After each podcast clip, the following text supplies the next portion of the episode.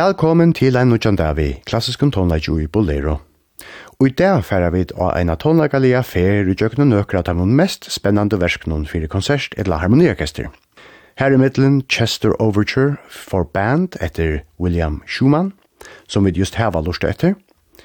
Og vi færa eisne høyra etla lort etter verskun etter Richard Strauss og Percy Granger, og nødjare tonen etter Frank Ticelli og Donald Grantham. Så sette det ikke vel til rattes, slapp jeg av og njøte vekra ljøve og tar vøkre tonene og i vid bare jeg vid det. Vi løtte som sagt fire vi at høyre overturene Chester Overture for band, som er et av kjentaste verskene etter amerikanska toneskalde William Schumann, fire blasere bølg etla konsertorkester. Han skriva i stikk 1906 til holdt her halte for Goldband Band, og eit av taverande bestu orkestron i USA. Overtyran er opplittande og orsko fyllt vi fanfaron og lovlion rytmon. Stikje bytjer og eit kjent solmalea fra amerikansko revolusjonstøyne vi heit noen Chester, som jaunan vær sunnje av amerikanskon hermonon under krynon. Til vær United States Air Force Band som framførde under lærslo av Arnold Gabriel. Vi tfæra så vidare vi Serenate og i Estor og på Shea, som er eit versk fyrir 13 blasare etter torskatalanskalde Richard Strauss. Stikki er skriva i Einofors, 22, ta i Strauss vær 16 år gammal, og tuskil er heta eisen samstundes eit av hans rafist og verskon. Serenatan er deilt ui fyra satser, og hever tøylian uiblaster fra klassiske tonaskalden, så som til dømes Mozart. Det er Aldeburg Winds under Larslav Nicholas Daniel som framfører.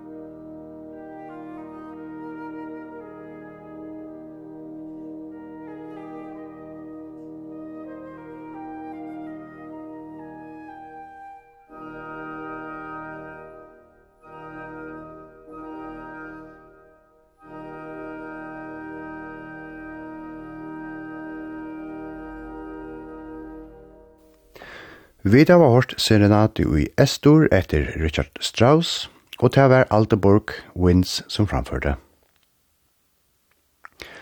Postcard, eller postkort, er et versk fyrir blasrabøk skrivet av amerikanska tonnaskaldnån Frank DiCelli. Stikket var skriva i 1991 og var opprunalige parster av større verskje fyrir blasrabøk vi heitnån Wild Nights.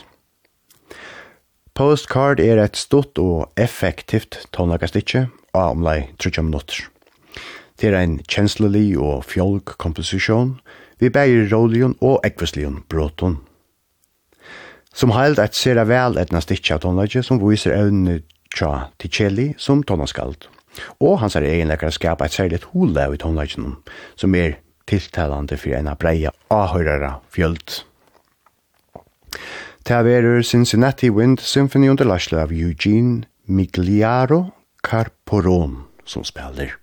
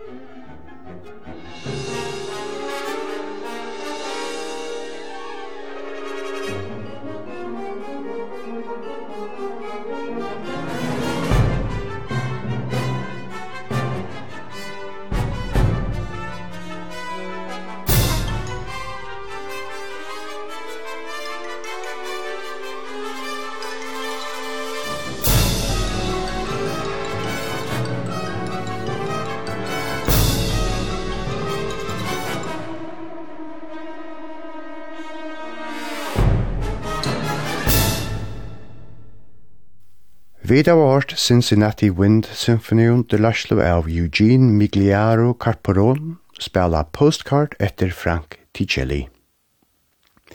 Så færa vi datter til 1923 og skulle høyra konsertsviten av Lincolnshire Posey etter Percy Granger. Svitan er sett saman av seks satsun, her kvør satsur bytjer av et sibonde føkkale ur Lincolnshire økjennom i Unglandet. Satsun er eita Lisbon, Harkstow Grange, Rufford Park, The Brisk Young Sailor, Lord Melbourne og The Lost Lady Found. Granger domte vel folkadonleik og brukte ofta folkalø til uiblåster i sunnum, skriver Rye. Lincolnshire Posey er vår i eit av hans kjentast jo best domdoverskon som samstundes kan man sija krever eit godt orkester. Tui Verda Dallas Wind Symphony under leisle av Jerry Junkin, som fyrir framføra. Gjer så vel.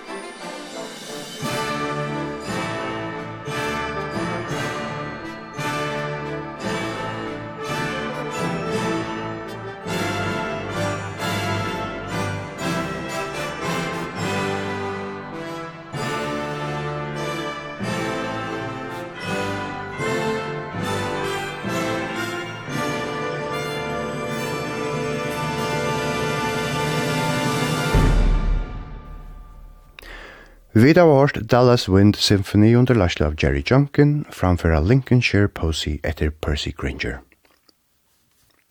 Vi narskast endan noen av Hesu bolere sendingene, og ta sørste verset vi får at høyra i det, veru Court Music fra 2005. Eit versk etter amerikanska tonårskalde Donald Grantham.